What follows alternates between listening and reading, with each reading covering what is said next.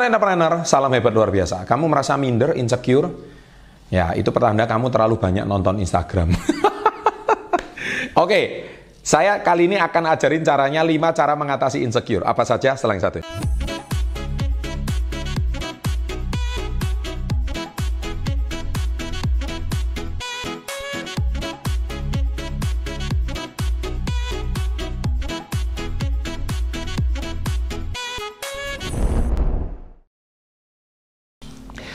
Ya, bicara insecure, ini kan istilah yang sudah sering rame di sosial media. Sampai istilahnya saya mau jual ginjal lah. Ada aja, no. Ya kan anak-anak zaman sekarang. Nah, apalagi kalau Anda lihat Crazy Rich, Crazy Rich itu kan jiwa insecure saya meronta-ronta. Ada aja istilah-istilah di sosmed. Oke, tapi nggak masalah. Kali ini saya akan ajarkan cara mengatasinya. Poin yang pertama adalah stop menyalahkan diri sendiri dan mulai berpikir positif.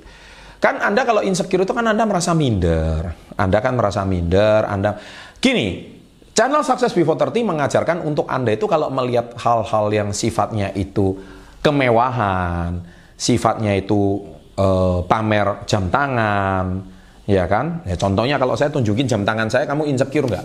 Ya kan? Mungkin jangan-jangan kamu merasa insecure ya orang jam tangan mungkin hari ini harganya sekian ratus ribu tapi ada orang pakai jam tangan ratusan juta sampai miliaran rupiah jiwa insecureku meronta-ronta nah gini menurut saya nomor satu anda itu kalau misalkan insecure berhenti menyalahkan diri sendiri anda tuh pasti pulang lihat lingkungan anda lihat orang tua anda lihat keluarga anda lihat sekeliling anda apa yang keliru ya sama diri saya ya Kok orang lain bisa hidupnya enak, orang lain kok bisa hidupnya tuh seperti itu.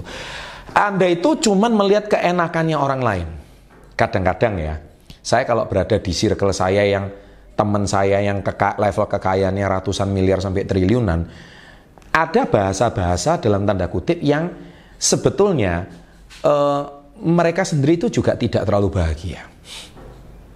Dan kadang-kadang mereka iri dengan kondisi Anda yang lagi nonton video ini. Irinya apa? Jadi Anda iri lihat ke atas, mereka juga iri lihat ke bawah. Tahu mereka irinya apa? Irinya masih bisa tertawa. Ya kan? Kadang mereka nggak bisa tertawa loh.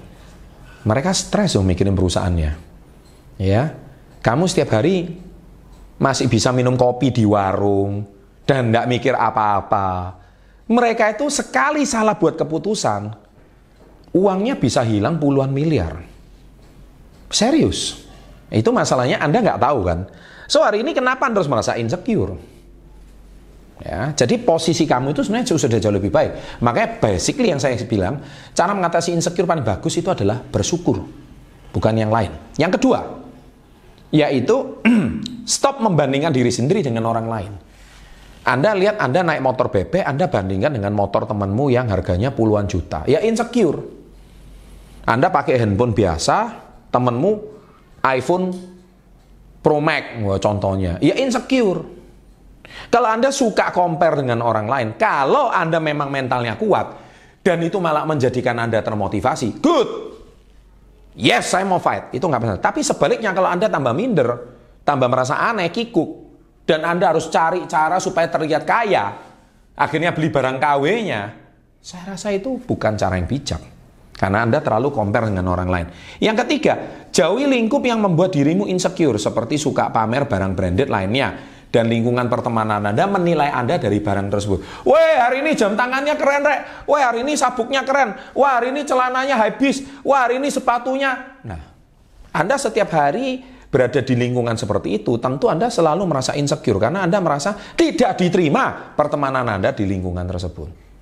Karena lingkungan tersebut hanya menerima orang-orang yang pakai barang bermerek, padahal KW. itu dia. Jadi menurut saya buang jauh-jauh itu.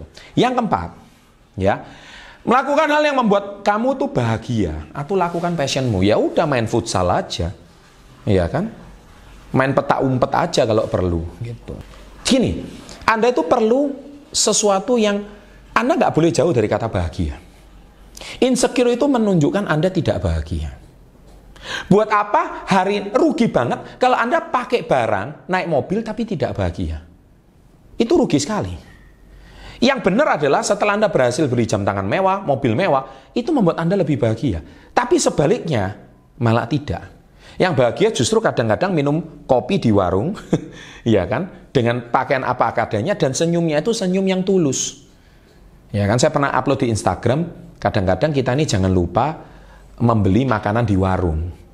Karena mungkin kalau kita beli di minimarket, Indomaret dan Alfamart, itu artinya pemiliknya itu nggak ada masalah keuangan. Tapi kalau kita beli di warung, itu bisa menambah uang sekolah dan uang jajan anaknya satu hari lagi.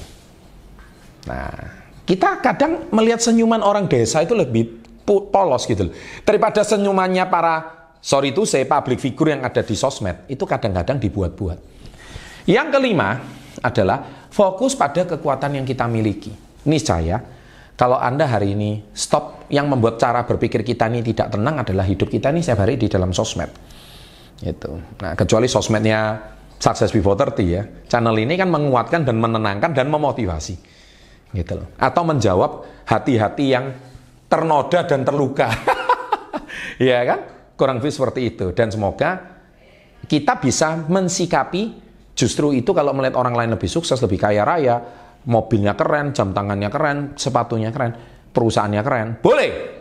Asal satu, kita termotivasi untuk mau lebih maju. Ya, sukses selalu. Jangan lupa share, and salam hebat luar biasa.